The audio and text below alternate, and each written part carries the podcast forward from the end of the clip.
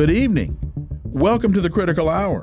We're coming to you from the capital of the United States of America, Washington, D.C., here on Radio Sputnik.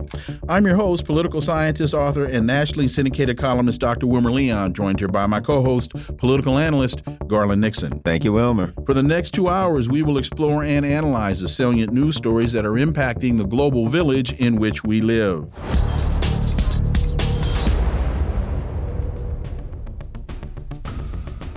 TASS reports, according to President Putin, West's plan to cancel Russia going nowhere. Such a policy has never had and never will have any future, according to President Putin. The policy of the Kiev regime and its Western handlers who seek to destroy everything related to Russia has no future. He said this at a meeting with members of his government. For insight into this, let's turn to our first guest. He's a Moscow based international relations and security analyst, Mark Sleboda. As always, Mark, welcome back. Dr. Leon Garland, thanks for having me. It's always an honor and a pleasure to be on the critical hour. So, going back to this TASS report, touching upon the integration of Russia's new regions into Russian culture, Putin pointed out, strictly speaking, the inhabitants of those new regions have never left this space as they cherish their native language and have a great interest in Russia's great heritage of literature. I know that they love the works of our prominent compatriots. Uh, Mark, I, I find I find this interesting because of the reference to Russia's new regions and his saying the inhabitants of those new regions have never left this space. If we're looking at an off ramp here eventually, and if you know we keep hearing from the West that one of Ukraine's demands is that territory must be returned, what he's saying very clearly here is that's not going to happen. Mark Sleboda. Yeah, um, I don't think uh, it was ever under consideration uh, from the Russian side. Um, the people of Crimea, of Donbass, now the regions of Kherson and Zaporozhye uh, as well, have have lived in the the new Ukraine being created uh, by uh, the Putsch regime that seized power in the country, uh, backed by the West in 2014. They, they've, in, in the case of, of, of parts of it, they, they have been a part of that space.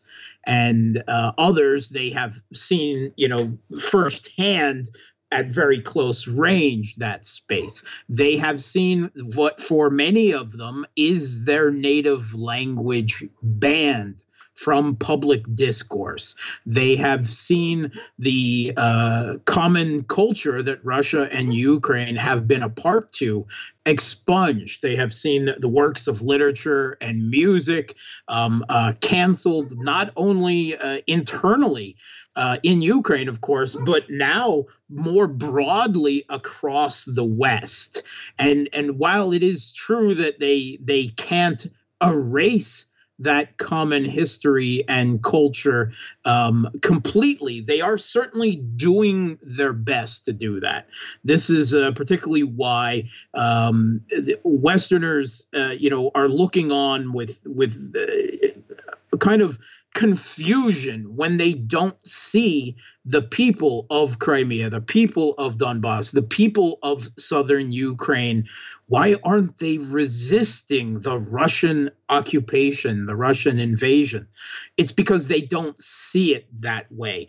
And while not in every single case, I think I quite obviously a majority of cases they find uh, you know more commonality uh, as part of a space that respects the common history and culture that both countries have shared for centuries, uh, rather than one that seeks to uh, force an anti Russian national identity conception on parts of Ukraine that have never been that way.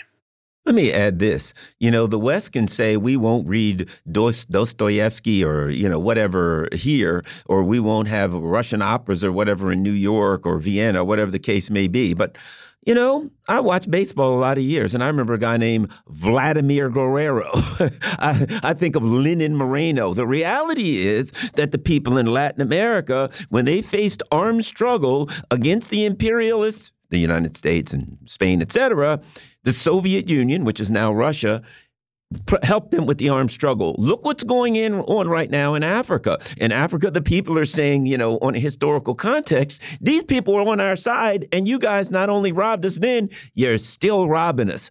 So the Western countries can say, we won't read this stuff, we won't be. That's certainly their their their their right to do whatever they want to. But other parts of the world still appreciate the Russian culture and the history of their involvement with Russian Russia. Your thoughts? Yeah, um, it while it's true that I, I think that in the English language information space in Western countries, that Western media propaganda demonizing Russia, uh, obfuscating the real reasons for the conflict, what has been going on in Ukraine for the last um, a decade now, um, has has been extremely successful, right? I mean, we see that in the polls, uh, you know, in in in reflections of society. But outside of that very narrow space, there is only coming now to be a realization how much of a failure that same propaganda has had in other parts of the world, like Africa, like South America, South and Latin America, like uh, Southeast Asia, even the Middle East, where these uh, the people of these countries uh, have had a, you know uh, too many brushes with uh, Western colonialism in the past, and uh, you know U.S.-led Western hegemony in more recent decades, um, and and they they don't automatically take their word for granted, and uh, particularly in this situation, I think that they have come to recognize uh, much. Uh, more significantly than the West's own people, you know, what has been going on in Ukraine, what NATO has been doing, um, manufacturing this crisis and this conflict. And even more than that, uh, they see Russia actively resisting a West that they still resent in many ways in ways that they often lack the power to do. So even though there isn't the always the ideological draw uh, of, say, the Soviet Union, there is a very powerful inspirational impetus nonetheless. And when Russia is speaking the language of multipolarity, that African leaders, for instance, repeatedly say, the Russians treat us with respect. They treat us with equal as equals, which is something that Western diplomats and governments never do is it any wonder why African protesters are raising Russian flags in cities uh, across Africa, particularly in West Africa, and calling for Western troops of former colonialist powers to be kicked out. And I would add to that, Mark, when Russia has Patrice Lumumba University, where potential African leaders and other established African leaders have gone and learned how to resist imperialism. And the United States has Fort Benning and the School of the Americas, where Latin American leaders go to learn how to oppress, murder, and torture their own people. And Paul Kagame goes to um, Fort Knox, I think it is, where they also have another school for African leaders. Understanding why there are Russian flags being waved, that math isn't that hard to do. Yeah, I mean, it, it, it really is a fact that in Russia today, you know, as a immediate legacy from the Soviet Union, there are monuments and streets and uh, to the great African uh, anti-colonial uh, leaders, uh, those who who rose up in revolution to make take back their own countries. Russians uh, children learn their names in school. These are things that never happen right in the west. It's simply you know completely uh, outside of, of the the side of history that they want to tell. I mean, uh, Nelson Mandela himself, right, in South Africa, um, while the US and the UK supported the apartheid regime in South Africa and labeled Nelson Mandela a terrorist, something that most history history books have, have left out of uh, history in recent days. In in Russia, uh, the Soviet Union supported him from the very beginning, and Nelson Mandela's words numerous times over show that. That is remembered in both Africa and Russia today. Quickly to that point, the first person that Nelson Mandela met with when he was released from Robben Island was Fidel Castro. Absolutely. Uh, well, th there's things are looking looking up, uh, Mark. U.S. News and World Report says Ukraine hopes to build a peace summit this autumn. So Zelensky's going to have a peace summit this autumn. I guess he's going to bring in all the Western countries and they'll say the same things they've been saying over and over again. Mark, there's hope. Your thoughts? Yeah, um, I mean, this I, I, guess is useful in terms of a PR exercise and photo shoot. Um, I understand that a number of um, uh, shall we say, uh, countries of the rest, the developing world, Brazil, India, China, will be invited as they were in Copenhagen in June. Once again, there will be an attempt to exert pressure on them. You know, the US will bring out the stick and threaten them to stop trade with Russia, do what we say. Um, but it didn't work very well in June. I don't think it will work very very well now. In fact, Mexico, uh, the uh, president of Mexico, Obrador, has already ref- always, already refused to come, saying that until um, uh, uh, Russia is invited to a peace summit, it's not a peace summit. It's pointless, but he'll be glad to show up uh, when Russia is there. Uh, we have also heard words from the Brazilian president, and it's not clear whether Brazil will send the representative or not, but very clearly he says, look, we're all in favor of peace, but neither Ukraine nor Russia is ready for peace now. So there's really nothing to do until they both are. Well, and the the reason we opened the conversation with the story that we did and the and the conversation that we did is because in this U.S. News article it says Zelensky's vision for peace calls for the full restoration of Ukraine's territorial integrity and a full withdrawal of Russian troops, the protection of food and energy security, nuclear safety, the release of all prisoners, and other points. Peace calls for full restoration of Ukraine's territorial integrity and withdrawal of Russian troops. Well, I can see a withdrawal of Russian troops, but it depends on what you consider to be Ukraine at that point. But anyway, Politico. No breakthrough yet in Ukraine's counteroffensive. If Ukraine supporters were hoping for a breakthrough after Kiev's forces made a new push in the southeast of the country last week, they're sorely disappointed. We got about two minutes. Mark Sleboda. Yeah, I mean, we heard from the New York Times and others last week from the usual anonymous officials that the Kiev regime had finally begun their main counteroffensive thrust, that everything that came before was just prelude, and this was going to be the big game changer. Well, a week later, and they're still fighting over the same handfuls of, of long destroyed hamlets in the middle of the Zaporozhye steppe in the throwaway zone, the the screening zone ahead of the first of five of Russia's echelon defensive lines. There has been no progress. In fact, with Russian gains, um, uh, in uh, the uh, north uh, in their their own offensive in the uh, um, out of Lugansk toward uh, Kupiansk and Liman. The assessment, the satellite assessment of, of territory, is that over the course of the two months of the offensive now that the Kiev regime has lost substantial territory because Russia is taking more territory back now than they have made progress on in what is supposed to be their their great much ballyhooed offensive. So um, if if plan A and plan B have failed, what is plan C? I, I don't know. I don't think they know either. I was going to say they ain't got no plan. They've been just trying to put out fires as they go along.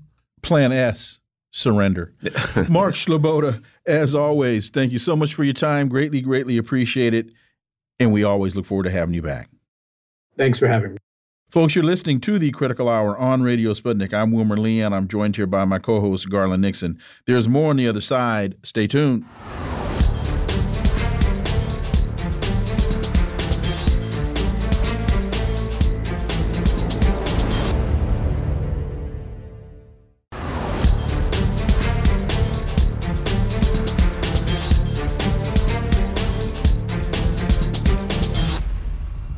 We are back, and you're listening to the Critical Hour on Radio Sputnik. I'm Wilmer Leon, joined here by my co host, Garland Nixon. Thank you, Wilmer. Black Agenda Report has a great piece entitled African States Support Nigerian Sovereignty in the Face of Imperialist Attack and Collusion of Stooge African Governments. Reaction to the coup in Niger is a litmus test which determines who is truly supportive of self determination for African nations. The Economic Community of West African States, ECOWAS, is urging Nigeria to invade neighboring Niger, which is just what the U.S. and France would like to see happen. But the leaders of Burkina Faso, Guinea, and Mali are standing firm and demanding that the people of Niger, who appear to be supportive of the military involvement in their country, resolve their own conflict without the intervention of imperialist Western nations.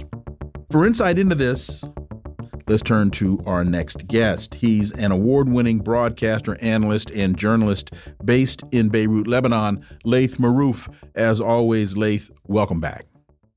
Thank you for having me. So, Laith, in response to the ECOWAS statement, the leaders of Mali and Burkina Faso announced a joint statement and were joined by the president of Guinea in upholding sovereignty and Pan African unity. Uh, I'm not trying to call this one too early, but for right now, it seems as though the voice of Muammar Gaddafi is carrying the day. You are right there. uh, you know, this is bringing us to the old days of uh, anti-colonial uh, struggle. Um, I want to note also that the first country to say that they will be defending Niger was Algeria, um, and uh, this is even before Mali. Uh, Burkina Faso and Guinea said that they will also be defending uh, Niger if it's uh, invaded, which means that we have right now three of the neighbors of uh, Niger uh, standing um, firm on its side. Uh, this is going to be a bloody conflict if it's actually started as the West wants. And I think if Algeria specifically enters uh, in such a conflict, uh, because the Algerian military is considered to be the most well armed uh, military in all of Africa, that they will uh, be ending this conflict very fast. I think if the West keeps on pushing in this direction of a conflict, they may end up losing more than just Niger. Uh, Chad could be another one that falls very fast, and uh, Nigeria, which is uh, being prompted to be the land where the invasion happens of Niger, uh, which uh, hosts uh, a huge amount of oil and gas that the West exploits, will be next. This is a very uh, fragile situation, and uh, the more the West pushes for a conflict, the more it will be losing.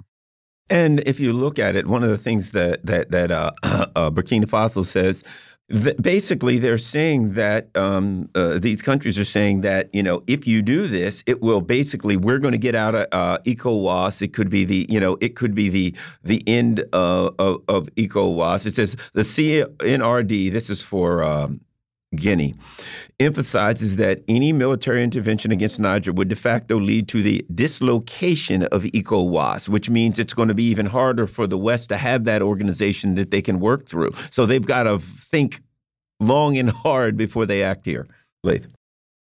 Yes, and ECOWAS for that, you know, the West created ECOWAS as a kind of balance to the African Union that uh, late uh, General Muammar Gaddafi, uh, you know, started, um, and uh, clearly to to make sure that African unity over the whole continent, continent doesn't happen and that there will be some regional factionalism because of ECOWAS. And to see ECOWAS collapse so fast right now with, uh, you know, Burkina Faso, Mali, and now Niger, uh, you know, exiting this this union and and also with their leadership being anti-Western, uh, that tells you how fragile the situation is for Western control of Africa. I mean, most of the people in Africa, uh, we saw even today, Senegal, by the way, uh, claimed that they will be sending forces to Nigeria to help in the invasion of Niger. And immediately we saw people out in the street in Senegal uh, carrying the uh, Russian flag. This is, uh, you know, Senegal had had demonstrations for the last year against the puppet regime that the West controls in Senegal. And if the Senegalese government uh, persists in trying to uh, intervene in Niger, it may actually even lead to another revolution in the Sahel area with Senegal. being such a fragile country at this moment because of this. There's a interesting, very related story. Future of U.S. drone base in Niger in question. The closure of the Nigerian airspace following the coup has brought the U.S. military's drone flights from Nigerian Airbase 201 to an abrupt halt. And this base is at the center. Uh, the base that's at the center of the disruption is known as Nigerian Airbase 201. It, it was constructed at a cost of $110 million. It has a 6,200 foot runway tailored to accommodate MQ 9 Reaper drones and manned aircraft. And so, for those who are listening to this conversation, wondering beyond support of its ally or vassal France, what is the U.S.'s interest in this? That's one thing as it relates to U.S. military presence in uh, in the region. Yes, and of course, the, the United States and France are the biggest losers in Niger and in the whole region. Uh, this drone base uh, that has been terrorizing much of Africa with uh, assassinations that are undeclared, and we don't know much else that the Americans have been doing with these drones in Africa. This is this is now is going to cripple the American uh, ability to intervene in the Sahel area in Western Africa and Central Africa regions, um, and uh, this is a blessing for not only the people of Niger but for all of Africans to end this American presence and ability of the Americans to kill at will uh, with no uh, repercussions is is is ending. Similarly, you know, Niger is one of the richest countries uh, in Africa in terms of resources, with the uranium and gold and uh, other uh, uh, minerals that it has. And the people of Niger have never seen any wealth come to them because of these uh, resources. The French have been looting them, uh, you know, in broad daylight. Uh, France wouldn't have electricity without Niger's uranium, and I think the this is uh, now the the conflict in Niger will be affecting uh, much of uh, the Western NATO alliance and putting more pressures on their economies uh, as the war in Ukraine uh, continues to roll out. Well, that's another thing that I think it's important to think about. If the the the war in Ukraine has brought enough pressure on the economies of of the West and in particular Europe, because they um, get so much of their natural resources, albeit ill-gotten gains, from West Africa. If they decide, well, we're going to go ahead and start a war and we're going to disrupt uh, West Africa, they will also disrupt all of these things, uranium, et cetera, that they get from West Africa, which will raise prices and make their lives even more miserable. Um, so the the war again, the war in Ukraine and the reaction to the war in Ukraine is uh, undoing imperialism by its own own hand. Laith.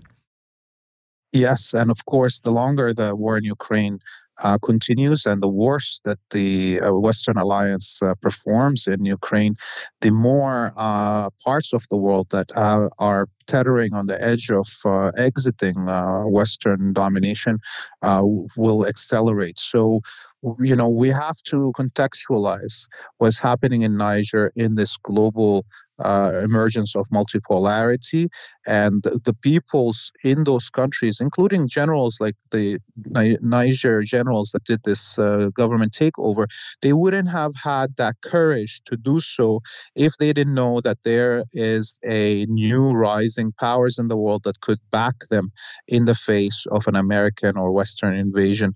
And um, um, you know, to see that the timing of this uh, happens after the Africa Russia summit. Uh, at the same time, also as yesterday, the uh, the chief of staff of Algeria, the head of the military of Algeria, was in Russia, and they both spoke about uh, what's happening in Niger and how Russia will be supporting Algeria uh, with all its military needs and upgrading its its weapons.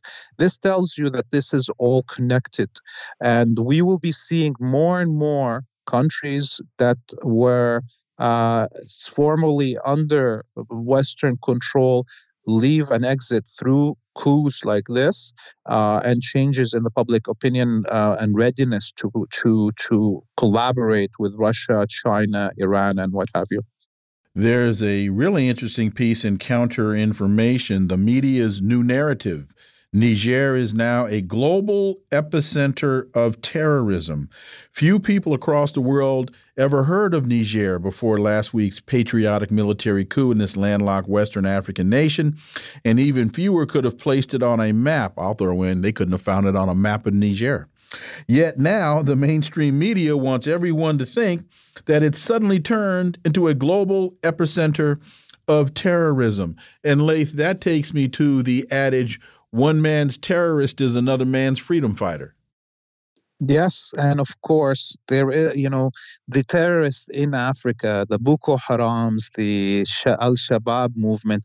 These are all CIA operated uh, terrorist organizations that usually attack areas that the United States wants to extract resources from for cheap. Um, and uh, Niger is not a country that uh, that has been a hotspot of uh, these terrorists. In fact, you know, Nigeria, just uh, its neighbor of Niger, is where Boko Haram has been operating for a long time, and the United States is happy with that to keep the uh, prices of uh, Nigerian exports on the lower side. And so, you know, they can accuse whoever they want to of terrorism, but uh, humanity uh, knows that there is no bigger terrorist on this planet than the United States and the NATO alliance that uh, it operates. Yes, and and um, the other part of it is we've heard that there are um, weapons showing up from you that, that, were in Ukraine, and I've suspected all along. You know, we've heard only thirty percent of the weapons that are um, going to Ukraine. We've heard different numbers that are sent by the, from the U.S. to Ukraine are actually making making it there. And history tells us that our intelligence agency will use things like the Ukraine conflict to launder weapons to their various terrorist organizations that they're sort supporting around the world. And I would suspect that some of the weapons right now that are not showing up in in um, Ukraine are not just being sold by the Ukrainian black marketeers, which some of them are, but that also the CIA is laundering them to to, uh, to Africa and places in the Middle East. Laith. Oh yes, some of the weapons that we that were supposed to go to Ukraine have already been discovered in Syria with the Wahhabi death squads uh, in Idlib. Uh, so that tells you, of course, that uh, much of the other terrorist infrastructure that the United States uh, operates in Africa and Asia have also now been supplied with these weapons. Uh, but you know what? Uh, look at the battlefield in Ukraine. Well, those weapons that the U.S. is spreading are useless in the face of uh, the new technologies of uh, Russia, Iran, and and and the other uh, anti-imperialist uh, forces. And uh, so, as long as Niger receives the support from Algeria um, and behind it Russia in any future war that uh, the West may envision for um, for Western Africa, then uh, Niger should be uh, in a, in a good position to defend itself. I think the West is is spreading itself uh, very thin. They can't they can't even keep up with uh, the the demand that uh, Ukraine has. How how will they supply uh, the the ECOWAS countries with enough weapons to uh, match uh, Algeria's prowess or Russia's uh, prowess in production? Laith Marouf, as always, thank you so much for your time. Greatly, greatly appreciate that analysis, and we look forward to having you back. You have a great evening. Folks, you're listening to the Critical Hour on Radio Sputnik. I'm Wilmer Leon. I'm joined here by my co host, Garland Nixon. There's more on the other side. Stay tuned.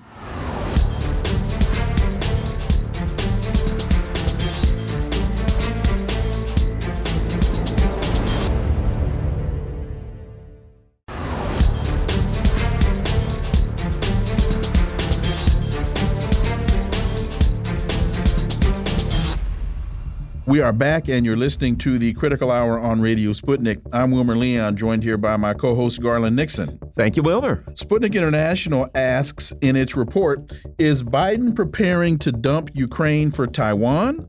U.S. President Biden is reportedly seeking congressional approval for financing military aid for Taiwan as part of the supplemental budget for Ukraine. What's behind that move?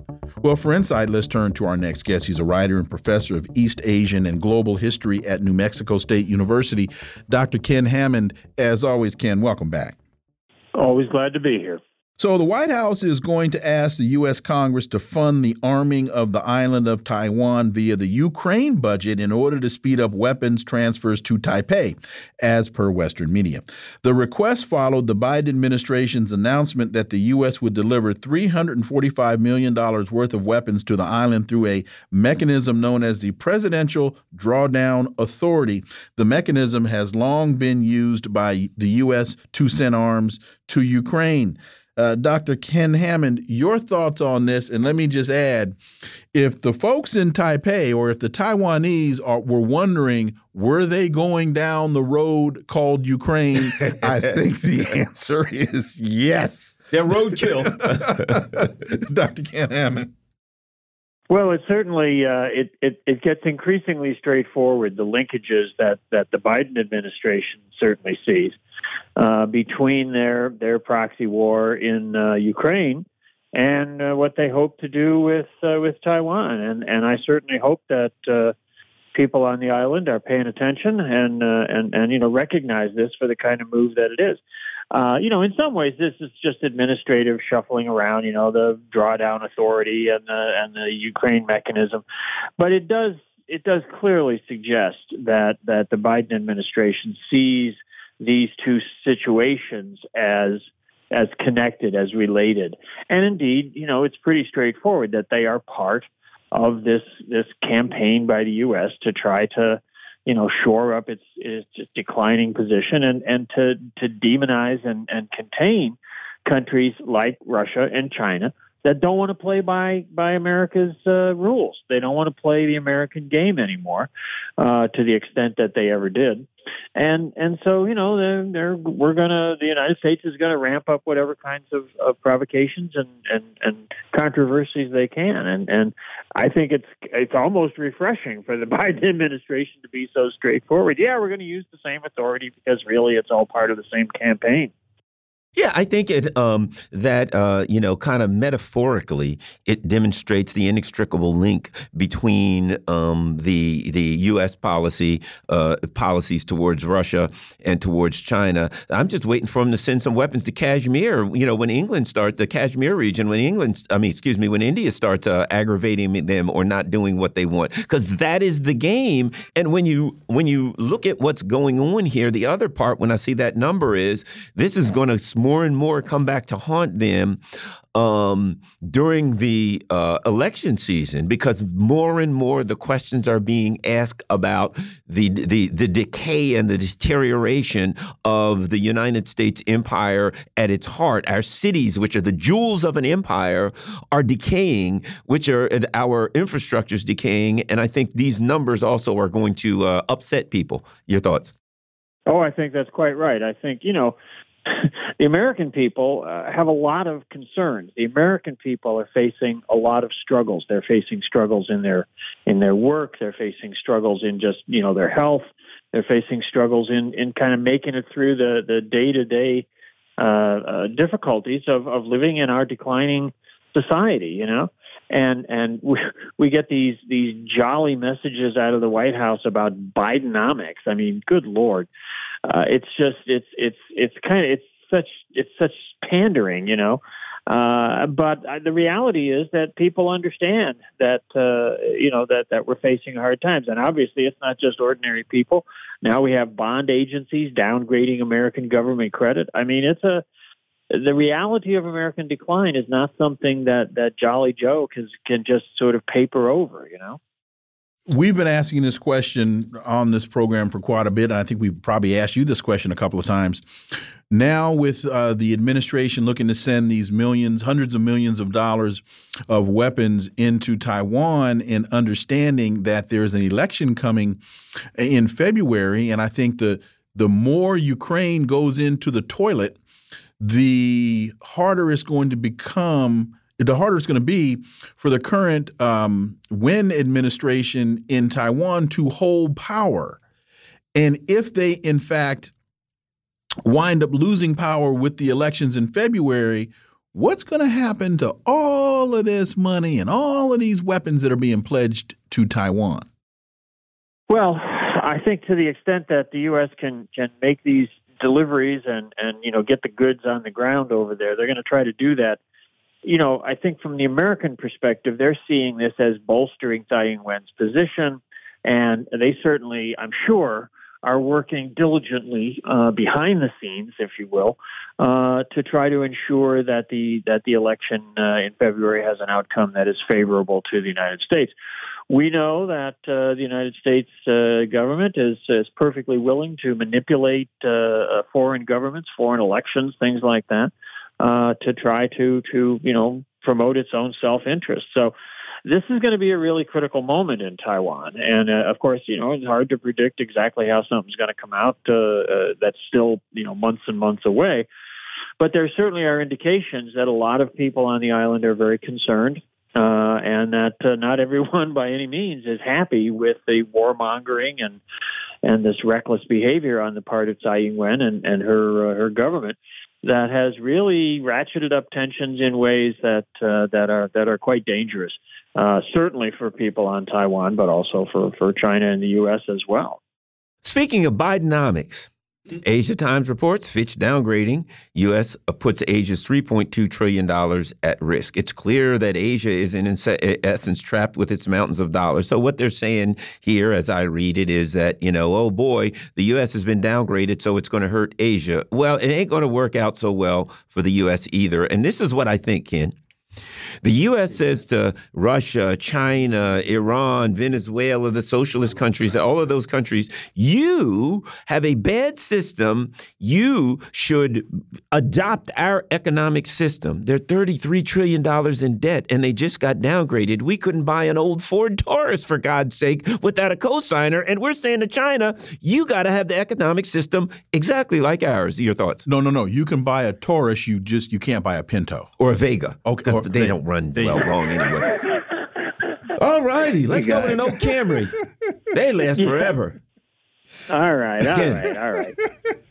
Go ahead. Yeah, well, you know this this this uh, the situation with downgrading uh, the U.S. government debt. It's been remarkable how how little it has affected the markets, as they say, uh, because this is actually a fairly serious uh, step. Now, you know, Fitch is not the the the absolute uh, premier rating agency, but they're certainly there to be taken seriously.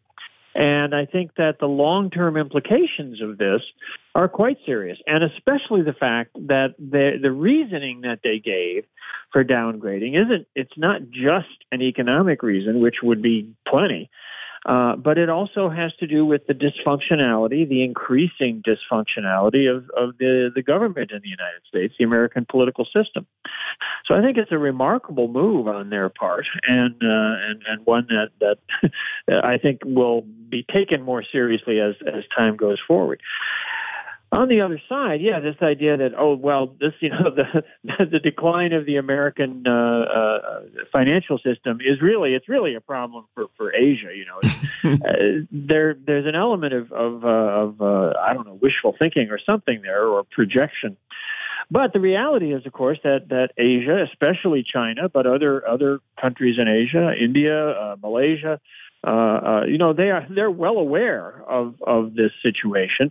China has uh, has backpedaled a lot of its uh, exposure to American treasuries. They, I think, at this point are holding about 840 uh, billion, and that's down considerably from the position they had a few years ago. Uh, they're not just going to dump things, of course, because they don't want to destabilize these markets any further than than they have to. But they are working assiduously to develop other financial in, you know infrastructure. Uh, uh, a lot of countries are starting to settle international exchanges in the Chinese currency, in the in the renminbi. Uh, India and Malaysia are working on efforts to uh, to develop a, a, a, system of exchange based on their their uh, rupees. So you know, there's there's a number. of The BRICS countries are are talking about uh, a whole alternative infrastructure with a, a whole basket of currencies. So, you know, there's there's a lot going on that that suggests that Asian countries uh, uh, are are well aware of the impending difficulties and are actually taking creative, innovative steps to try to address it. Uh, you know, nonetheless, it is a it's a it's a serious moment for for the United States, and, and they don't seem to be taking it very seriously. But I think that as time goes forward, the world certainly will. South China Morning Post has a piece Africa sets sights on China as a top destination for military training. Professional military training is helping to strengthen relationships between China and African countries, in turn, extending Beijing's influence. Your thoughts on this, as we've been talking about on the show? The United States has been training uh, leaders how to oppress people. China and Russia appear to have been training people on how to fight imperialism. Well, that would be a good thing for them to be doing. And, uh, uh, you know, I think that obviously the relationship between China and Africa is one that has a long, long history. Uh, and and uh, the the military dimension of that, you know, these countries need to be able to defend themselves. They need to be able to uh, conduct their their affairs without being subordinate to the United States, to American imperialism.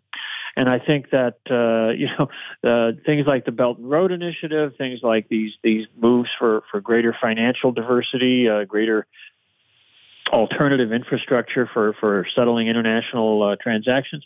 These are all good in the economic sphere, but the military sphere is very important as well. Security is just as important for these African countries as as uh, as developing their economies. In fact, in order to develop their economies, they have to be secure. They have to feel you know, safe with their their borders and their defense and things like that.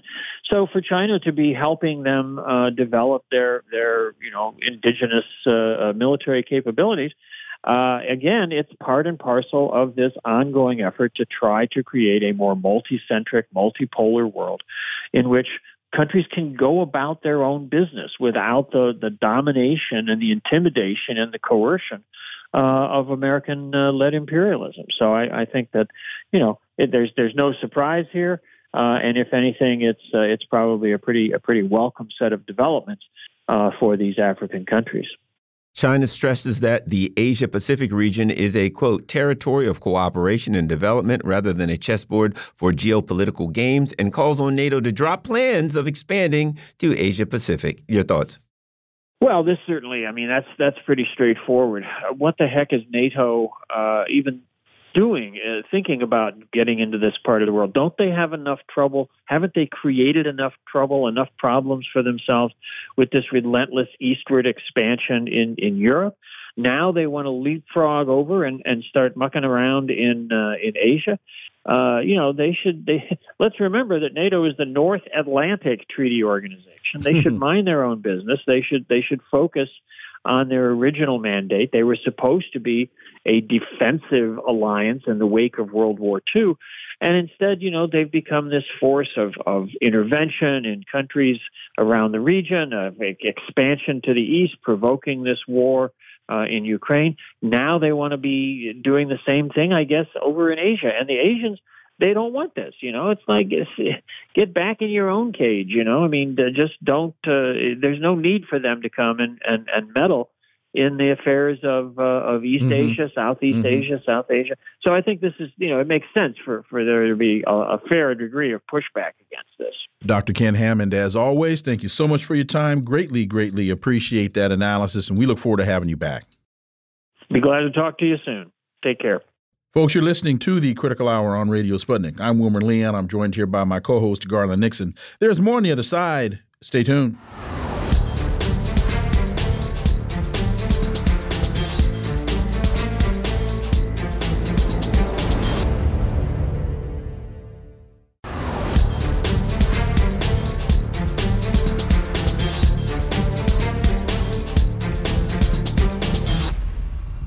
We are back, and you're listening to the Critical Hour on Radio Sputnik. I'm Wilmer Leon, joined here by my co host, Garland Nixon. Thank you, Wilmer. Fitch Ratings downgrades U.S. debt to AA, plus, citing erosion of governance. Fitch, one of the top three credit rating agencies in the U.S., stripped the U.S. sovereign debt of the top tier grade, cutting it from AAA to AA plus yesterday. I'm sorry, Monday the first. The decision comes due to an erosion of governance and growing government debt load, Fitch explained. What does this mean, and is it a temporary blip on the screen or an indication of larger, deeper problems going forward? For insight into this, let's turn to our next guest. He's an associate professor of economics at the University of Missouri Kansas City, former president of the National Economics Association, Dr. Linwood Tauheed. As always, welcome back. Thank you. Credit rating agency Fitch downgraded the U.S. sovereign credit grade on Tuesday, citing the country's mounting fiscal deficits and an erosion of governance that resulted in frequent debt limit clashes over the past 20 years. Dr. Tauheed, this downgrade in credit for the reasons that they're citing in my opinion, is incredibly telling about the fallacy of Bidenomics, about the fallacy of Reaganomics, about the fallacy of American economic policy, this whole tax filtered down, trickle down, all of that, Dr. Tauheed. Yeah, this uh, this Fitch downgrade to um, AA plus is is surprising, uh, particularly for the reasons that they're giving. Uh, one of the reasons is the mounting U.S. debt. But uh, this is a downgrade on, on U.S. treasuries. And uh, the, the treasury debt uh, that the U.S. holds has actually been decreasing relative to gross domestic product since the, at least since the fourth quarter of 2021. Now, that, that's, that's because Joe Biden is heading to austerity that is, he's he's decreasing spending, and and the debt ceiling fight uh, ended up with the U.S. Um, freezing its budget for the next two years, effectively with inflation uh, decreasing um, uh, government spending. And so, for the reasons that Fitch is giving, um, it, it, actually doesn't make any sense because the economy, at least the, the, the financial part of the economy, is going in the other direction. But but but on the other hand, uh, we should expect because of a decrease in spending that's going to be come over the next two years that that the Biden administration agreed to with the Republicans, uh, that that that's going to have a negative effect on the economy. Uh, and, and, so we, we've got we've got Fitch downgrading uh, treasuries for the wrong reason. or at least giving the wrong reason. And and the criticism of that has been has been quite uh, there's been quite a pushback from from all circles on that. Uh, and, and, so this this really doesn't make sense in terms of treasuries. It, it does make sense if we're looking at the um, the the um, um, prognosis for the economy over the next two years. But that's but Fitch is not is not citing that as a reason. So so this decrease in credit rating is is a bit. Um, um, I, I think there's more political here than than there is actually financial. Well, let me ask you this: If they're doing it, if uh, it sounds to me like what you're saying is they could justify this, but the justification that they're using ain't the right one. Is it possible? This may be a little convoluted. Is it possible? But with me, that's not nothing abnormal. I could say that before everything I say, but. Is it possible that if they actually stated the right reasons, this is why we're doing it, that that could in fact have an effect. Whereas people would say, yeah, holy moly, you're kind of right. And there could be a downward spiral that then the market and everybody looks at their reasons and says, yeah, that is kind of right. Things ain't are looking kind of bleak. And that makes it worse. If I, if I could add to that, because my question is, as a follow on to that, you said that this is political. Are you speaking partisan politics? And if so, whose camp are they favoring, or is it just a more kind of general, generic political uh, motivation behind what they're doing? Well, I think if we think about um, what the Federal Reserve is doing with, with Jerome Powell, there's certainly speculation uh, that that part of that is political, and uh, you know Powell and the Fed wanting to slow down the economy to supposedly uh, deal with inflation, but but but probably uh, going to go too far, as as uh, causing the economy to go into recession at, at just the wrong time for Joe Biden uh, for the for the next uh, before the next presidential election. Now, if if if Fitch is consistent with that, if that would be the thinking, then then the political is uh, to to favor favor Republicans in in the upcoming election. I, uh, you know, these credit rating agencies, Moody's, Standard and Poor, Fitch, are, are supposed to be just look at the financials and not to get involved in the politics. But but so is the Federal Reserve. And so and so there's a question. I'm just I'm just speculating. I don't have any additional evidence on this. Uh, Moody's and Standards and Standard and Poor's, the other two major credit rating agencies, have not decreased the credit worthiness or credit rating of of the U.S. Treasuries from AAA and in fact, one would uh, one of the criticisms of this uh, downgrade by Fitch is that if the U.S. Treasury is not AAA, then nothing is AAA.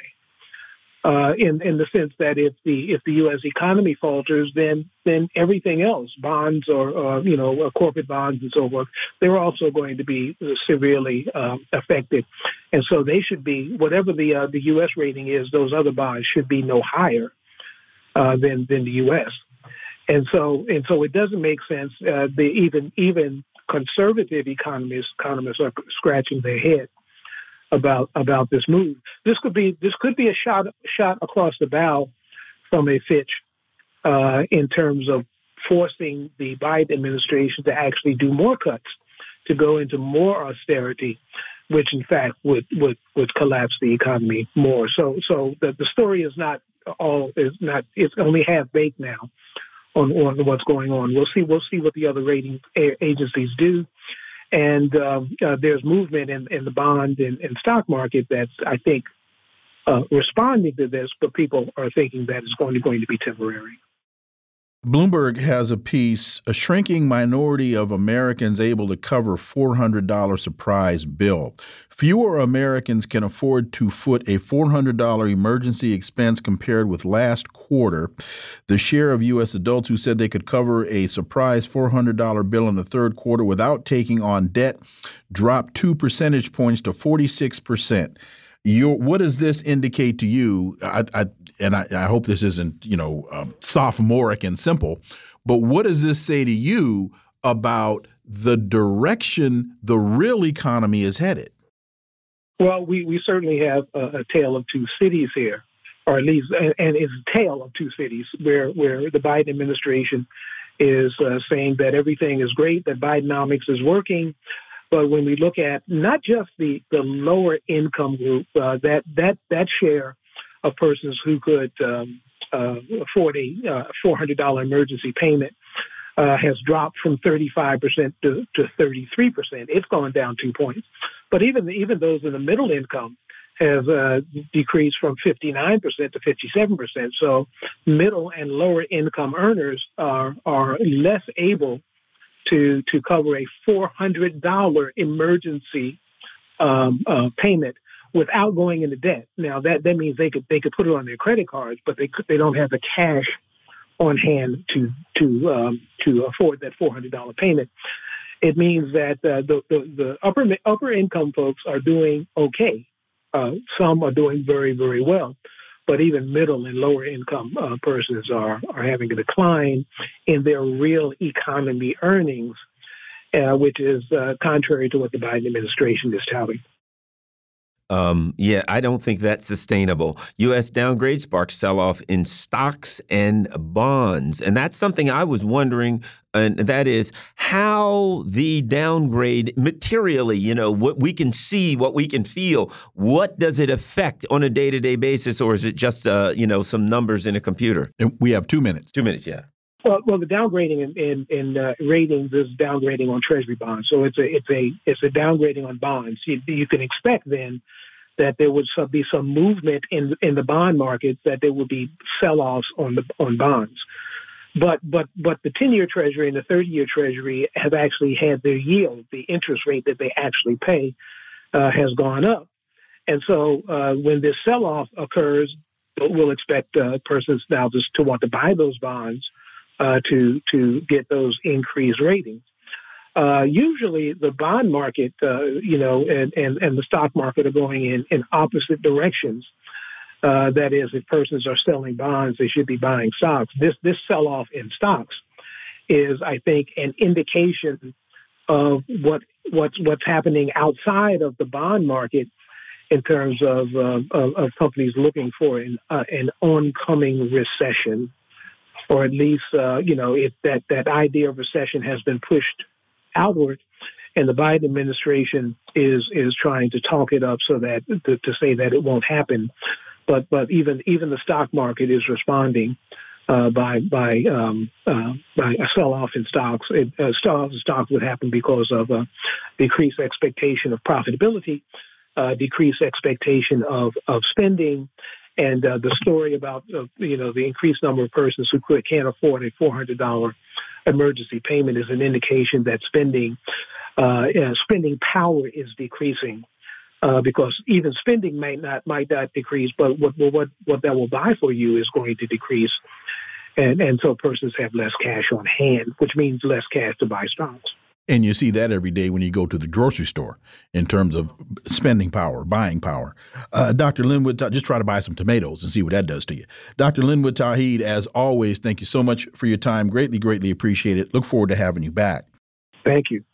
Folks, you're listening to the Critical Hour on Radio Sputnik. I'm Wilmer Leon. I'm joined here by my co host, Garland Nixon. There's another hour on the other side. Stay tuned.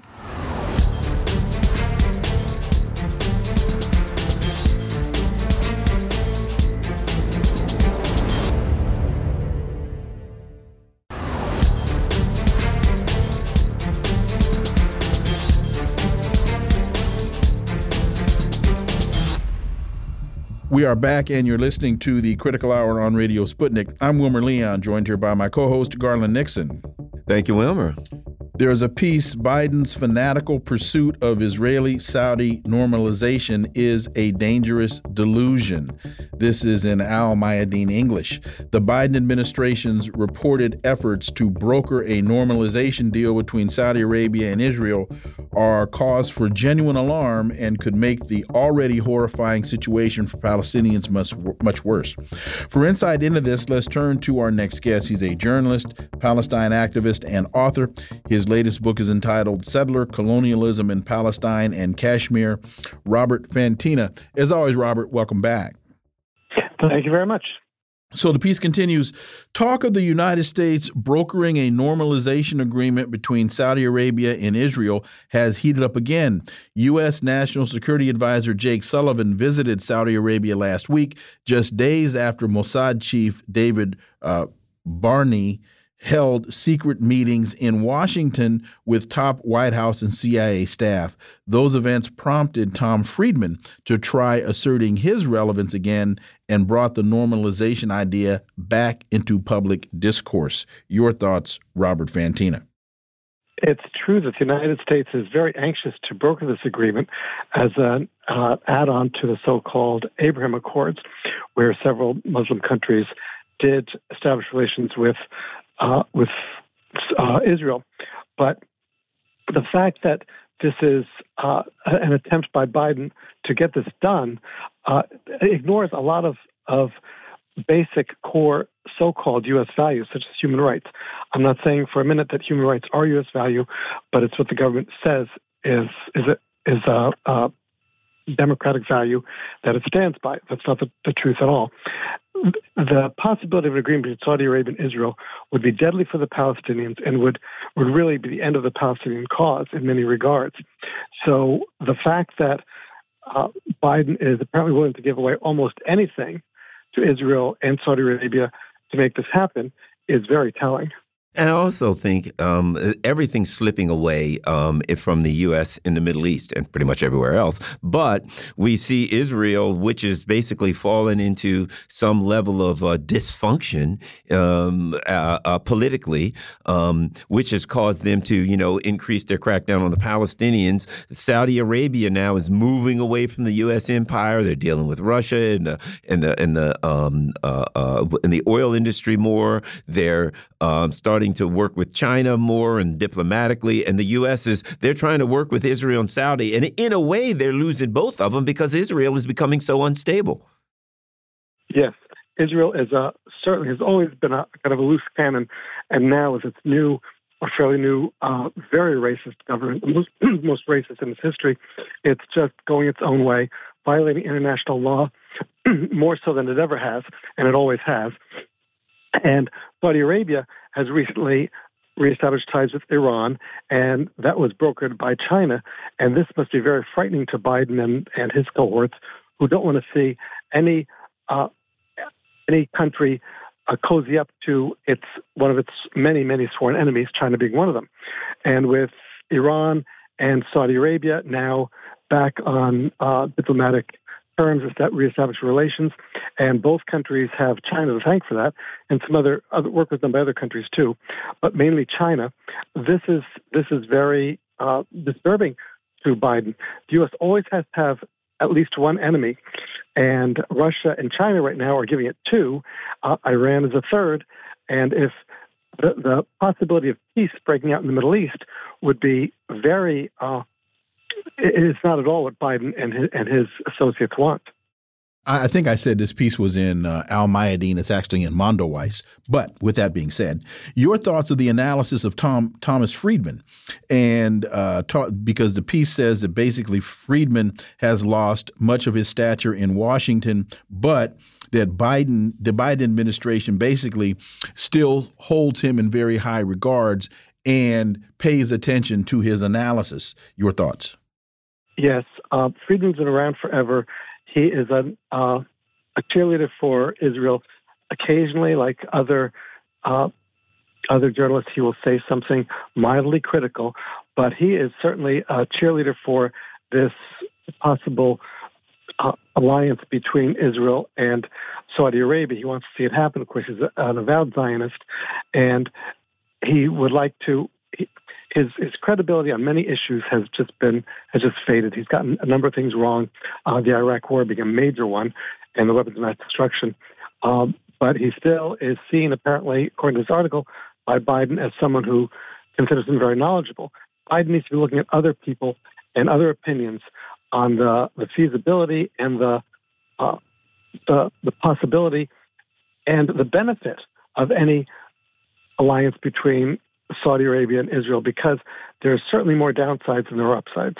Well, and Tom Friedman, I think if you're considering um, his history, it's a lot easier to talk about the things that he's gotten right and a lot quicker because I can't think of anything right off right offhand. Here's the guy, and and and and to keep in mind also when it comes to his perspective on anything to do with the Middle East, this was a guy that after 9/11 said, yes, we should go to Iraq, we should go wherever, we should break into houses, but burst into the houses of the Muslim people with military, and we should hold a gun to their head. Why? And this is his exact words because we can. So, with a knuckle dragging ape like this guy, and my apologies to actual knuckle dragging apes, but I, that was an appropriate metaphor. With like this guy, I mean, his history tells us that he is worse than just a Zionist, but a violent imperialist. Certainly. Uh, anti-Islam. He's, he's had hostility toward Muslims and toward Islam in general. And how anyone can take him seriously is beyond me, except for those people who share his views. and the United States government, uh, currently under Biden, is a very imperial government, a warmongering government, and a government that has shown great hostility to Muslims around the world, including in the United States. There's another Mondoweiss piece behind the fighting in the Ain al Helwa refugee camp. The fighting in the camp in southern Lebanon between Fatah militants and Islamist armed groups didn't happen in a vacuum. Lebanese analysts speculate that Israel and the Palestine Authority are behind the recent tensions. Speak to that as well as I know this is radio, so folks can't see this picture, but it's a picture of these uh, large buildings. And what got my attention or, or thought here was a lot of people here have this vision of a refugee camp of people just living in tents, rows and rows and rows of tents. But here we're talking about an uh, an entire city. I mean, this is this is cinder block buildings with corrugated uh, roofs and what corrugated metal roof. This is a huge, huge place. Is my point? It's not just some erected tent city that that people are living in. Yes, the refugee camps in Lebanon and other places were when they were established in 1947, 1948, were tents. And this was, this was to be a temporary measure until the Palestinian refugees could return to their home. They have a internationally guaranteed right of return. However, that didn't happen. And after a time, they started making the, the Palestinians themselves, the, the refugees, started making more permanent housing. So they would get cinder blocks or they would get them and, and build houses with these corrugated roofs. And what has happened over the last 70 years is that in order to uh, expand their families, to have have small businesses, they have, uh, and because there's no way to expand out, they've had to expand up. to see two, three, sometimes four stories uh, built on these initial uh, concrete and, and cinder block structures. They're very unsafe. They're uh, it's very risky, but people need to do something. As this article points out, the area is approximately one square kilometer and has about 50,000 Palestinians, along with an unknown number of Syrian refugees. So this is a very densely populated place, extremely overcrowded, but they've had to make a sense of permanency because they can't, they, they live in tents and tents don't last very long. So they, they build these houses and they to, to try to, to try to establish a life for themselves. So that was was kind of to your, your second point that you made. But regarding the clashes that are are going on between or have gone on between Fatah and various Islamic militant groups in the refugee camp, there is the fact that they are probably uh, started somehow by Israel with the assistance of the Palestinian Authority is is very likely because the Palestinian Authority works closely with uh, Israel to repress the people in the West Bank, and any any militancy against Israel is put down by the PA because of their uh, Mahmoud Abbas is a traitor, and this, this, is what he does. So the fact that uh, Islamic groups are being uh, are, are having conflicts with Fatah is certainly to be expected when Israel and Fatah are working together so closely. And you know, when I hear about refugee camps, I think of Native American refugee camps, which we refer to as reservations. And this is this is settler colonialism, exactly the same dynamic where the U.S. came here, displaced these people, genocided them, stole all of their stuff, and stuck them in a in, in, in a refugee camp that's known as reservations. Where in many reservations, 30, 35 percent of the people there don't have wa running water. They live in squalor, and and and the U.S. spends all of this money all around the world, such as, I'm just thinking, Israel, and none of it goes to the people, and the people in the refugee camps get, get, get forgotten. Your thoughts about the connection between the reservations and the settler colonialism um, dynamic? It's it's it's the same thing as as you mentioned. The uh, indigenous people in the United States were driven from their homes. The United States decided where they could live set up these uh, refugee camps called reservations where they suffer the same way that the Palestinians in various refugee camps in Lebanon and Gaza and other places suffer. They don't have the facilities that they need. There's no way to expand. Uh, they don't have employment. Uh, they have they struggle to get education. Uh, they, in most cases, don't have running water. When they do, the running water is often very close to electrical lines, which uh, causes tremendous risk when the when there's flooding in refugee camps. The uh, sewage rises with the water, and that's what people have to walk through and get their drinking water from. The situation in the uh, United States on, on so-called reservations or indigenous refugee camps is basically the same. People are repressed. Uh, they don't have the same rights that the rest of the uh, people who live within the borders of the United States have. It's the same brutality the United States is, is financing uh, in Palestine, Lebanon, and many, many other places. You just mentioned when the water rises, it mixes with the, with the sewage and pollutes the water. Well, that sounds like Washington D.C. and the Anacostia River. But anyway, am I right, Garland? It sure does. Uh, Middle East Eye. That's why you can't you can't swim and you can't fish in the Anacostia River. Uh, we have one minute with that. Uh, let us, as we say, as we always do, Robert Fantina, as always, thank you so much for your time. We greatly, greatly appreciate that analysis, and we look forward to having you back. Thank you very much. My pleasure as always. Folks, you're listening to the Critical Hour on Radio Sputnik. I'm Wilmer Leon. I'm joined here by my co host, Garland Nixon. There's more on the other side. Stay tuned.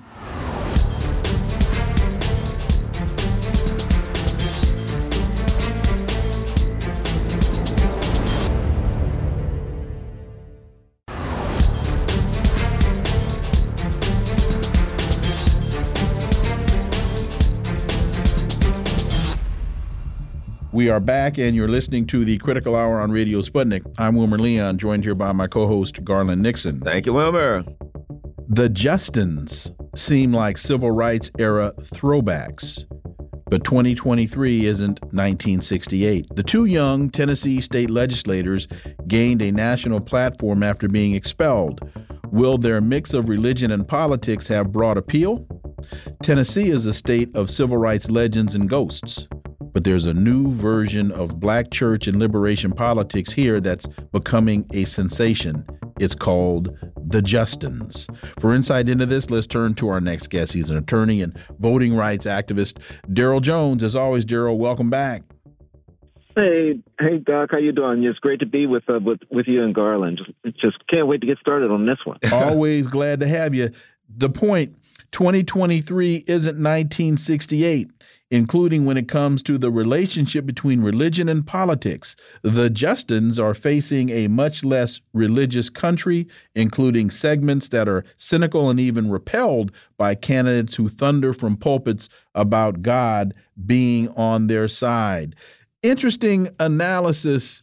Uh, uh I'll just quickly say this. I think it's off as it relates to the black church because throughout civil rights, it's been as much about an organ an organizing center as it has been a religious philosophical bent. Darryl Jones.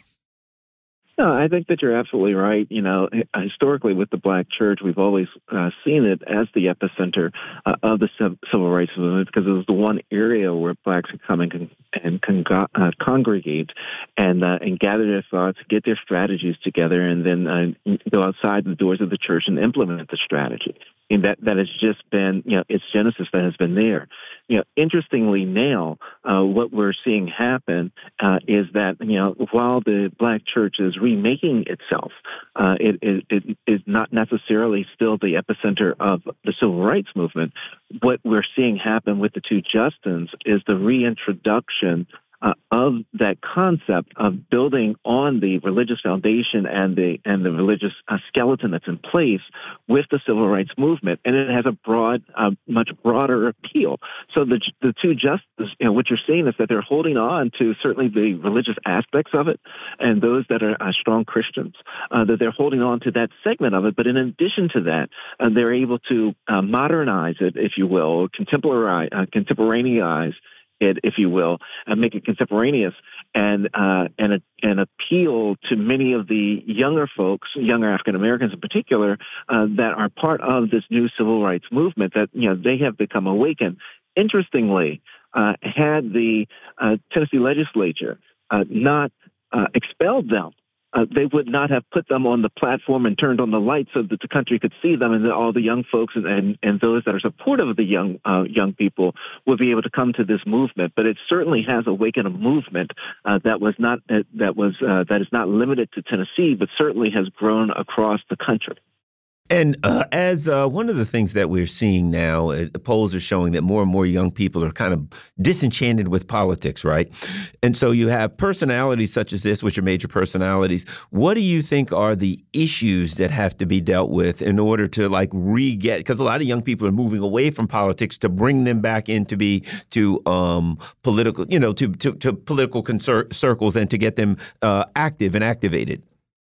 Well, yeah, it's an interesting question that you pose uh, because you know I generally start with the premise that you know uh, there, there isn't a movement from young people away from politics. And, and, I say that and support it with this. When the Confederate statutes came down across this country, those were young people that were at the, at the middle of that movement. The Justice and Policing Act that was being pushed, that was young people as a result of the death of George Floyd. When you're talking about the uh, the gun violence and and the uh, and the uh, gun laws that have been passed by Congress, those are young folks that were pushing that forward. So, you know, the young voters are there. And let's not forget, uh, if you're talking about uh, uh, uh the senators down down in Georgia, you know, uh, you know, you're talking about young voters that made Ossoff uh, happen. You're talking about young voters that made all of that happen. Tuition, so the young tuition voters, debt. Yeah, tuition debt. Young voters are pushing this.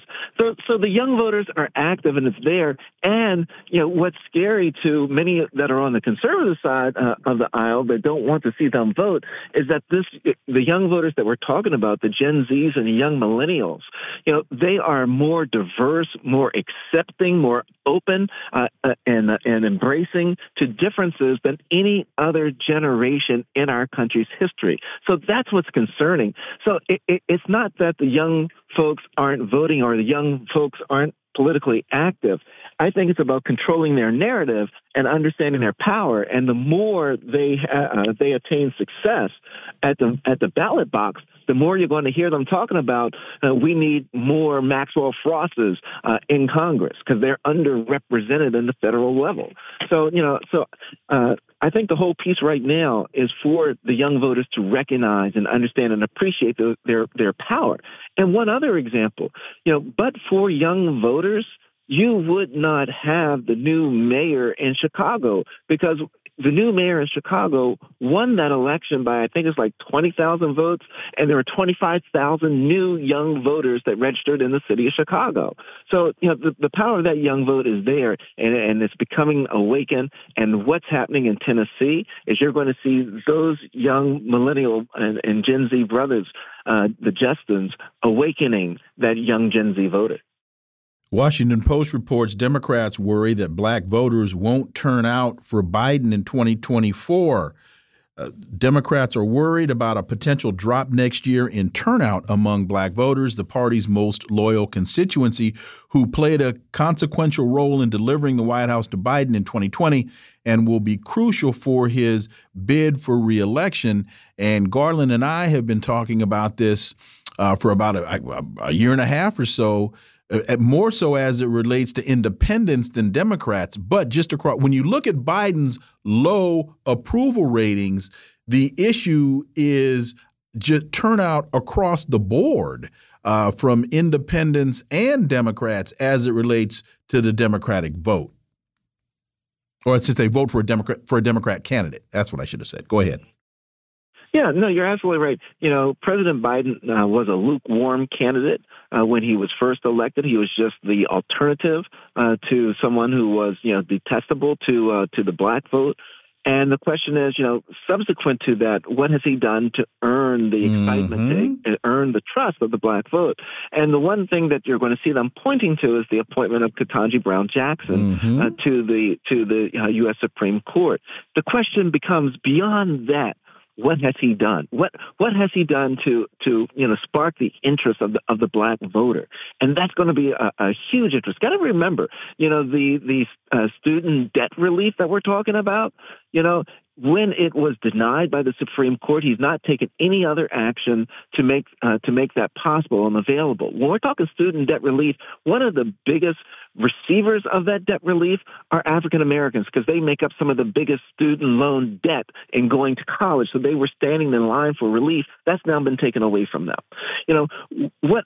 What else have you done to enamor yourself, to inure yourself to, to so that the black voters want to come out and vote for you. We know that what the last week or so, and or the last couple of days, he's gone to talk to President Obama about endorsing his candidacy and, and getting black voters to come out. We need more than that. They're looking for more than that. And he has a bigger problem than that in my in my estimation. The bigger problem is this because he's not sparking a lot of interest out of the Democrats and coming out for him, in addition to uh, that, he if if President if former President Trump is the candidate, the nominee from the Republican Party, we have seen a uh, higher percentage of African Americans going that way of favoring President Trump. So, and, and we're not talking huge numbers, but you got to remember, we're not talking about a large margin between mm-hmm. the two candidates from the last election. So, if you're suppressing some of the vote because people just don't care for you and don't think you've done anything for them, you haven't put anything on the table, you haven't helped them with tuition, you haven't helped them to be able to afford meals, you haven't helped them to be able to uh, have a stronger uh, income from their job. And then in addition to that, uh, you have some of that African American vote that is now going to go over and potentially vote Republican, you've got problems. And so the question is going to become how does he address them?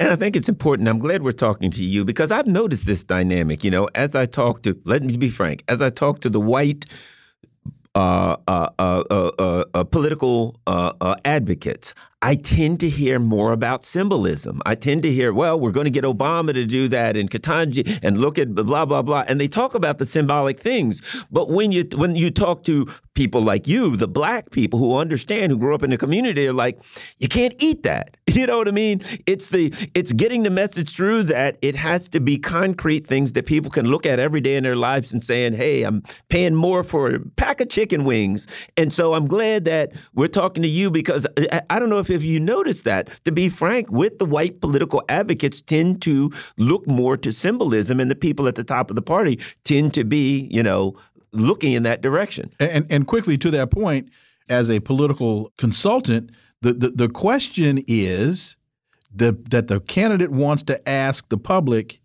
is your life better now than it was before? And the answer to Joe Biden and the Democrats is no. So, so let me throw this at you. What do you think the Biden administration could and should be doing between now and election day to make that difference? We got a minute and a half. Well, number one, they need to grow some uh, backbone and stand up for the people that brought them in office. You know, the old saying is you dance with the one that brought you. And it was the African American vote that has brought Biden into office. And, and by way of the black farmer, by way of the black farmer, where they had $2.2 billion that were being uh, allocated for black farming debt. And then as a result of what happened in Congress, that was taken away. And so it's no longer just for black farmers, it's now for all farmers, which has made it more difficult for the black farmer using that as the example, you need to step up for that black farmer. You know, this is what this was about. If you can't step up for our black farmer, why should the black farmer step up for you? Same question goes to the African American community step up for us. Stand up for us with regards to the to the student debt. Step up to, step up for us for every major issue that we have voted mm-hmm. for you on. Okay. that's what we're expecting of you. That's what we want from you. That's what we need to hear from you. Darryl jones as always thank you. And quickly he knew what to say when he was running. He knew the the buttons to push and the communities to hit when he was running just why don't you follow through on the things that you promised? Darryl Jones, as always, thank you so much for your time. Greatly appreciate it. Look forward to having you back. Thank you so much, Doc, and talk to you, uh, you and Garland soon. You are listening to the Critical Hour on Radio Sputnik. I'm Wilmer Leon. I'm joined here by my co-host Garland Nixon. There's more on the other side. Stay tuned.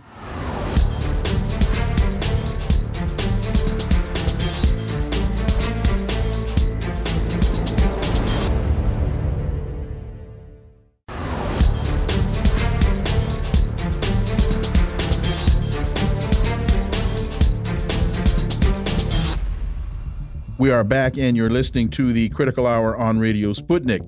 I'm Wilmer Leon, joined here by my co host, Garland Nixon. Thank you, Wilmer. Fox News reports legal experts slam Jack Smith for bringing, quote, lousy, end quote, case against Trump it's a disinformation indictment. Legal experts are criticizing special counsel Jack Smith for his latest indictment against Donald Trump for accusing the former president of spreading disinformation and other activities protected by the First Amendment. For insight into this, we turn to our next guest. He's the co host of Fault Lines, heard here on Radio Sputnik, Melik Abdul. As always, welcome back. Thanks, guys, for having me. Yeah, this is a big story this week. Trump has been in the news a lot during his um, t- time on the public stage, but this week is definitely a tops it. Well, the uh, this is according to legal scholar Jonathan Turley. The most jarring thing about this indictment is it basically just accuses him of disinformation. This is a disinformation indictment. Jonathan Turley is a professor of law at GW University and a Fox News contributor. It said Trump was spreading falsehoods, that he was undermining integrity of the election. This is all part of the First Amendment, Turley said, and I think the courts will look skeptically. Uh, Melik, your thoughts?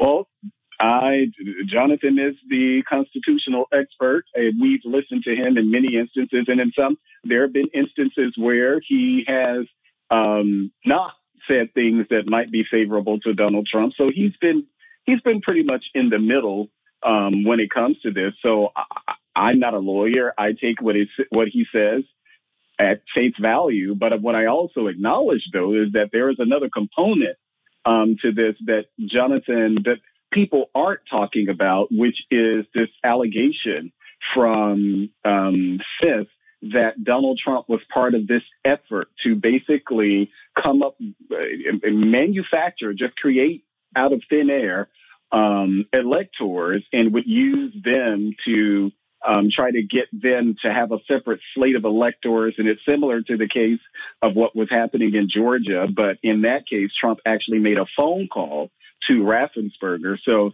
I'll listen to Jonathan Turley on how you know, how strong the actual case is. In part, it absolutely is about Donald Trump and the First Amendment. And as we know, the Constitution protects false statements.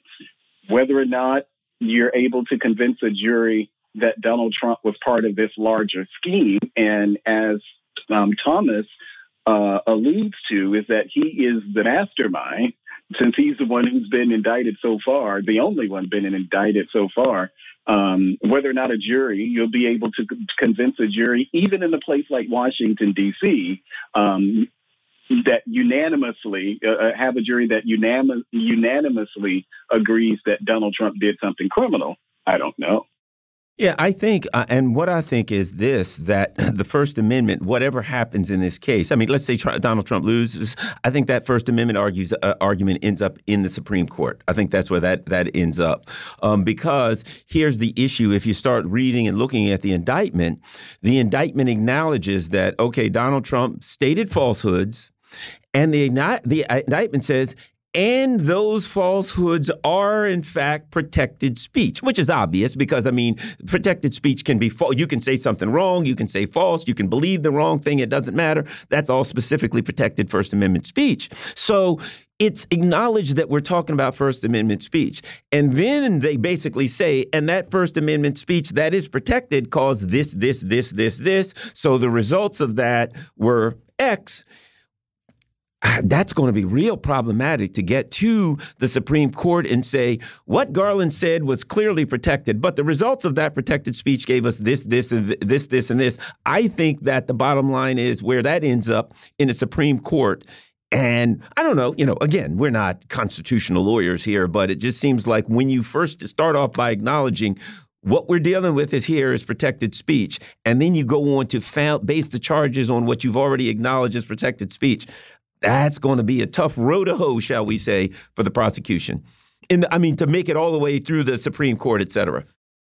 Yeah, and, and now on that, I absolutely agree. And maybe this is part of the overall strategy for this to get to the Supreme Court. I actually believe that the efforts that Rudy Giuliani and many of those others tried um, back in 2020, I think that they wanted that to go to the Supreme Court um, but what happened, if I remember correctly, the Re- Supreme Court declined to hear one of those cases. So I think that that part, that mm-hmm. was the strategy. But on the issue of protected speech, I absolutely, that is true. Um, I do think that that is something that will be litigated. And as Jonathan Turley and many others point out, we're in uncharted territory when it comes to this, not just on the issue of it being a president of the United States, but also the law. If you look at, and because earlier on the show, we had an attorney on the show who pointed out, and it's something that I didn't even consider, that there are no corresponding um, criminal citations listed in the indictment itself. Um, so a lot of this is based on un, when he, and so the point that he was making that this is based on untested legal theory as opposed to a subsection of some law. He did refer to what they were trying to do in the case, and they cite this obscure um, law from the 1800s that was related to the KKK, and somehow that they folded that so they're using one of those, that very obscure law to go after Donald Trump. So like I said, Jonathan Turley, he's the constitutional expert. I don't think that even if Trump is able to beat the um, the legal case, it still does present problems for him when you think of the political component of this, because this is both a, little, a legal and a political thing. So one thing doesn't necessarily determine the other. People still have to um, vote for Donald Trump, and well, Donald Trump has to do enough to convince people that the second time around will be more of a charm. And that's the only way that he's going to win this, even if he beats the legal case itself. To your point about their referencing protected speech in the indictment, that's how you build your case. That's how you write an indictment is you diffuse the defense argument or if you're writing it on behalf of the defense, you diffuse that part of it before it is stated in court. So, yes, the First Amendment protects speech, but not all speech is protected by the First Amendment and Donald Trump's, and I'm really disappointed in Jonathan Turley here because this is where I think he goes from being a revered constitutional scholar to being a hack because he oh, he omits the very key component of the indictment, which is Donald Trump's speech, and this is alleged, was in furtherance of a crime. And that's where speech is not protected. So when you call people and ask them to commit election fraud, you can't claim free speech in that conversation because you can't speak to people freely about committing a crime. So, and for Jonathan Turley to leave that very important element out of the conversation, to me, puts me in the puts him in the Alan Dershowitz box of going from being a brilliant scholar to being a political hack. When he asks people to find fraudulent votes, you can't claim free speech. I mean that this there's not this is not about the It is. That's it is. That Okay. that's that's Oh, okay. that's that's part of this that's part of what that's one of the building blocks of this case. Another part of this is that they're claiming is that Trump knew that what he was saying was false. And uh, Turley wants to just say, well, you know, again, that's free speech. But the Supreme Court does not allow First Amendment protection in that regard when uh, when you, you when you knew what you were saying was false. Are you sure? I'm positive. Okay. I'm positive of that. You don't get First Amendment protection. It's not just a matter of disseminating disinformation when you knew that what you said was wrong or there was just absolute disregard for whether what you're saying was false or not. So, Turley, in this instance, uh, uh, Melik, uh, listen to him at your own risk. Yeah, well, I listened to the exchange. It was I can't think of the Asian. It was an Asian American attorney, John Woo. Uh, maybe that's his name. Yeah, the Uh, but they were go ahead. yeah, yeah, they were actually in sync on that particular point right there about the first about the Constitution protecting even false statements. And I remember that exchange because what they were saying is that um, even if Donald Trump knew that what he was saying wasn't true, that's still protected by the First Amendment. I think the one the part that you made about the point that you made about it being in furtherance of a crime that is something for you know that the constitution itself does not protect that. But if donald trump even believed or even if he didn't believe what he was saying was true um, i think that that is that's a separate issue. But that is a challenge for the um, prosecution itself. Oh, absolutely. in order to yeah because you have to prove you have to get into donald trump's mind. Now what i believe now this is just my my belief I believe that Donald Trump was willing to believe it because he wanted to believe that the election was stolen from him. I'm not necessarily sold that he had in his mind some grand scheme to steal the election, but there were people around him who said, Trump, Mr. President, this is not true. This is not true. Well, what did Donald Trump do? Donald Trump went and found people like Rudy Giuliani, who was telling him the very opposite. And if you listen to Rudy Giuliani, Rudy Giuliani was so far out there that he was willing to go around and claim that the election workers down in Georgia were passing around drugs. And the lady had to prove that she was given breast mints. That's why he's being um, sued for a defamation case down in Georgia. So there were attorneys, there were legal experts around him who were telling him that this was stolen from you, and this is how we're going to get uh, basically install you or whatever that is as president. But you'll have to prove that in court. And as I said, even though you're here in Washington D.C., I'm just not convinced you'll be able to get a unanimous agreement on that. But I also thought that you wouldn't be able to get an indictment in New York. in listening to Turley and in listening to Wu, they did not mention the Alvarez case from 2012.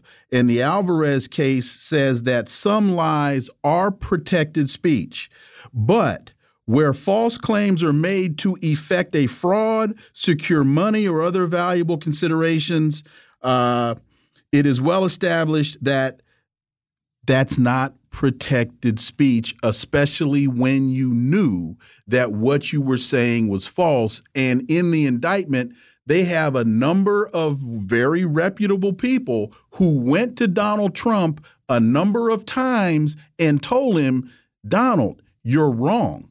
But if he can have one lawyer that says, "I told well, him he was right," I think he where, walks. That well, no, he doesn't walk. That that's that's where that's where the debate comes in. And and and that, but he but, doesn't walk uh, on that. But that's that's where the debate comes in.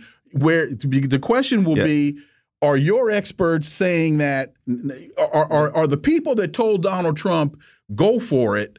Are they are there more of them than there were saying, "Hey man, you lost, you're wrong"? And I believe in the indictment. I believe I saw they have an a quote from him where he even admits that he knew that he lost. We're going to have to go a minute or so over because here's something I want to throw. And this is, I think, a big part of with me. Here's an article from the Washington Post. The Washington lets the Electoral College choose the winner. They should choose Clinton, November 24th, 2016. They literally argued after Donald Trump won that the electors should just say, who cares what they voted? Choose Clinton. Then they went on and lied. We now know the Clinton pushed a lie that deliberately, so much so that Barack Obama was advised that the Clinton people were pushing a lie that Donald Trump was uh, uh, uh pushed by the Russians. So after the Clinton people literally tried to steal it, who cares if he won? Give it to us anyway, and then lied for four years. That's the issue I have. And now they come back and they're going to say, we're going to go after Trump. Why? Well, because he tried to take the election and he lied. I got a problem with that. Your thoughts, Melik? We only got one minute. Hey, I'm I'm as a Trump supporter. I can say on the one end that this is definitely a, um, as, as people have been saying now, the hashtag two-tier justice system. Clearly, they're treating Donald Trump differently than they're treated other people. Jack Smith, he's even trying to um, um, have a speedy trial in order to get this moving. Ultimately, um, Donald Trump does have to answer for some of the decisions that he's made, even though, as you said, there were people who were, te- um, Wilmer, sorry, that people who were telling him at the time, he has to he has to own up to that. And I don't like it. I don't like it at all, but I will say that Donald Trump has to answer for this. And I'm hoping that this is a lesson learned, but at his age, it may not be. Uh, well, right. You know, I can't debate the two tier system with either, with either of you. And my position in this conversation was not anti Trump. I'm just trying to be as clear about the facts of this as I possibly can be. And so with that, because again, Jonathan Turley has become a has become a hack. Melik Abdul, as always, thank you so much for your time. Just like Alan Dershowitz, thank you so much for your time. Greatly, greatly appreciate it. Look forward to having you back. Thanks for having me. Folks, you're listening to the Critical Hour on Radio Sputnik. I'm Wilmer Leon. I'm joined here by my co-host Garland Nixon. There's more on the other side. Stay tuned.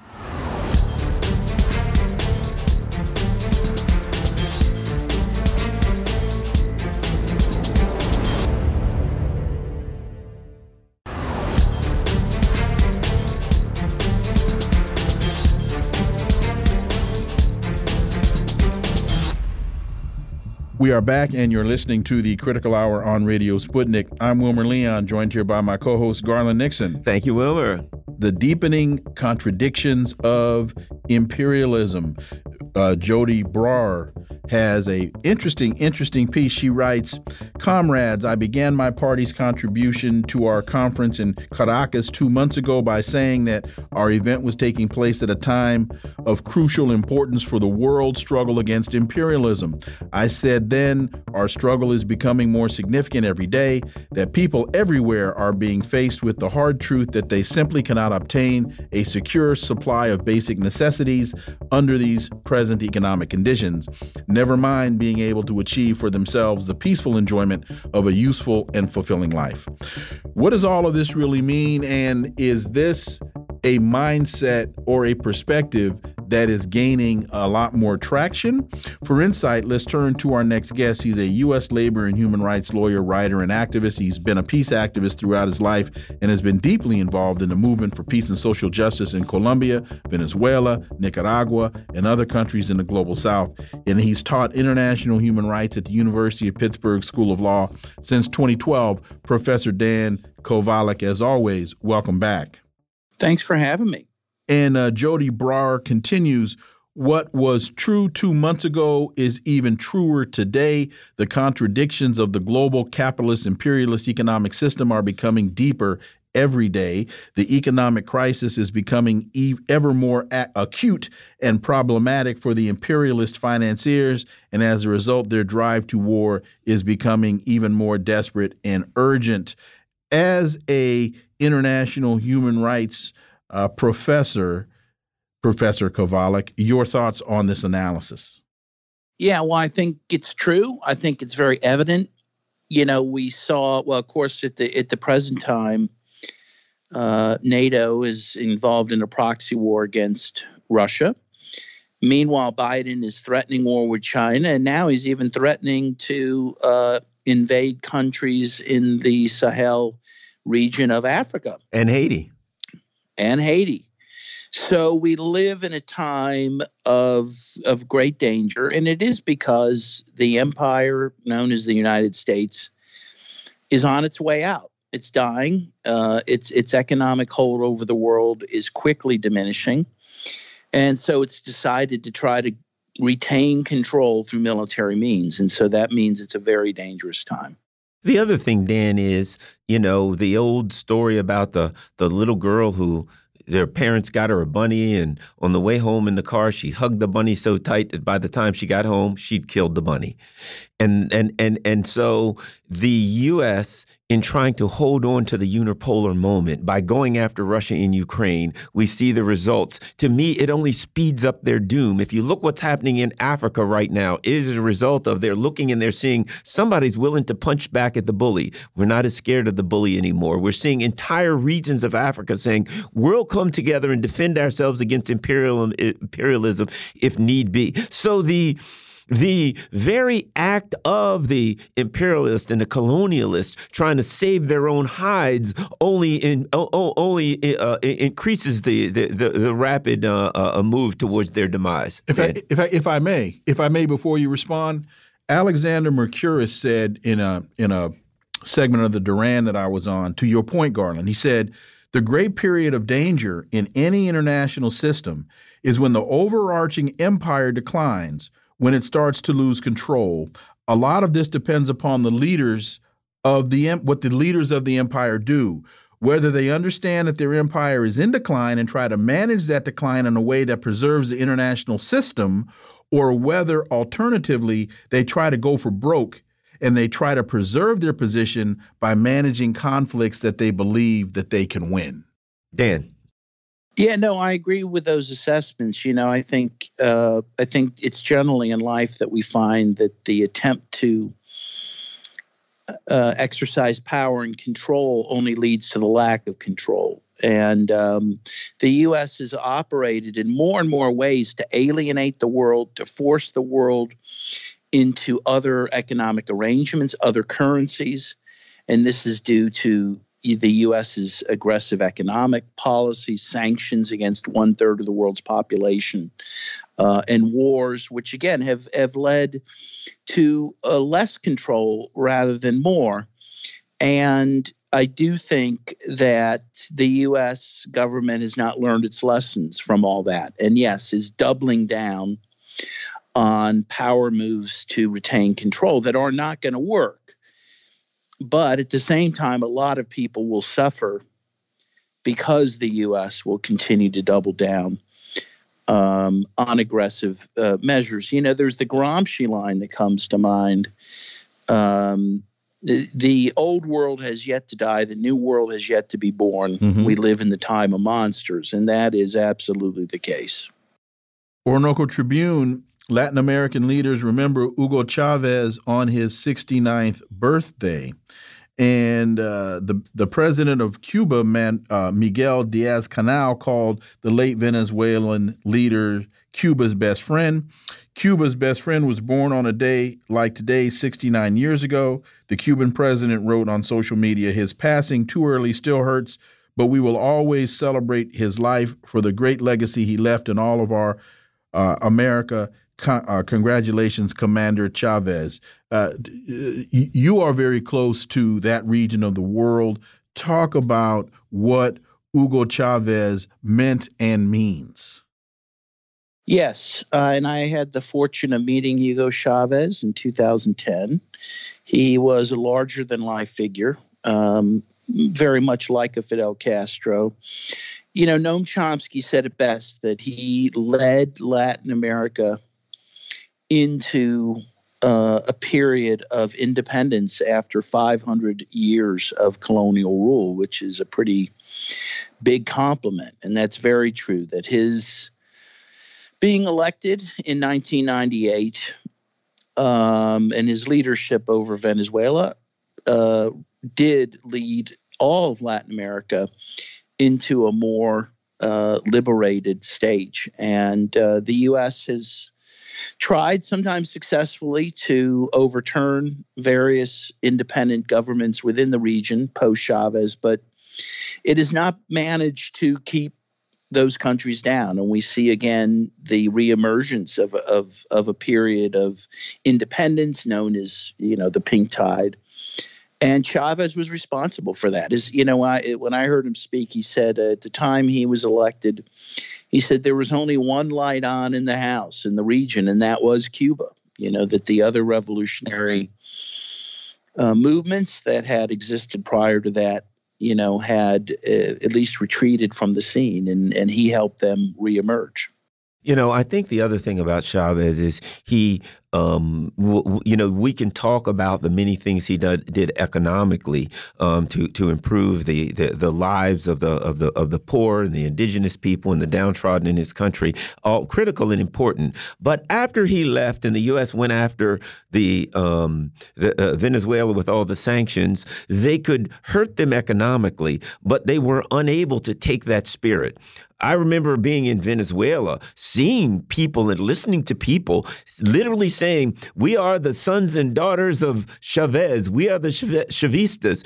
What they couldn't do was take away the spirit to fight and not give up. So, no matter how much the people there had to go through, they were not going to go back in the other direction. And he left the spirit to fight that even though they stole the money from these people, they couldn't take their spirit.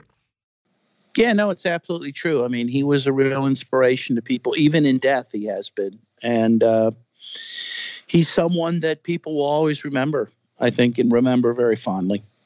Argentinian elections, lithium, socialism, and anti imperialism. Uh, this is a piece that you can find at the Revolution Report. Is it possible Argentina will a socialist president and vice president for the next four years? Juan Grabois and Paula Abal Medina are the leading contenders championing the people in the upcoming 2023 elections. Your thoughts about where we are in Argentina? Well, Argentina is uh, a very important country with a very big economy. They have kind of gone back and forth in terms of having progressive governments and then right wing governments. So I definitely hope that they do more, move towards the left in this election, that they do choose socialism. I think the neoliberal policies that that uh, have been tried out in Argentina have shown themselves to be a disaster, and hopefully the people see that and that they will move towards the left. Um, and the other thing, uh, you know, they mention here lithium, socialism, and anti-imperialism, and you cannot in any way separate the natural resources because ultimately, um, if they weren't, you know, I've heard people say Haiti is poor, and then the defenders of Haiti say if Haiti was poor, the imperialists wouldn't be there. They're only there because they have stuff. If you got nothing to offer, ah, they'll leave your country alone. Don't do what you do what you want. They want something out of it, and that Argentine, eh, Argent, uh, uh, uh, uh, um, Argentina has lithium, and that's part of the conversation. Your thoughts?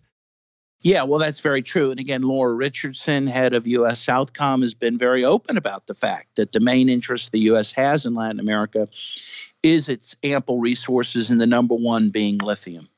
And you mentioned neoliberalism in Argentina and that they've gone back and forth. And that just reminded me of the discussion about uh, Colombia. I think it was Colombia, and that you know Colombia is where neoliberal neoliberalism was born, and now is where it's gone to die. And so, your your thoughts about this neoliberal battle that the United States continues to uh, to engage in?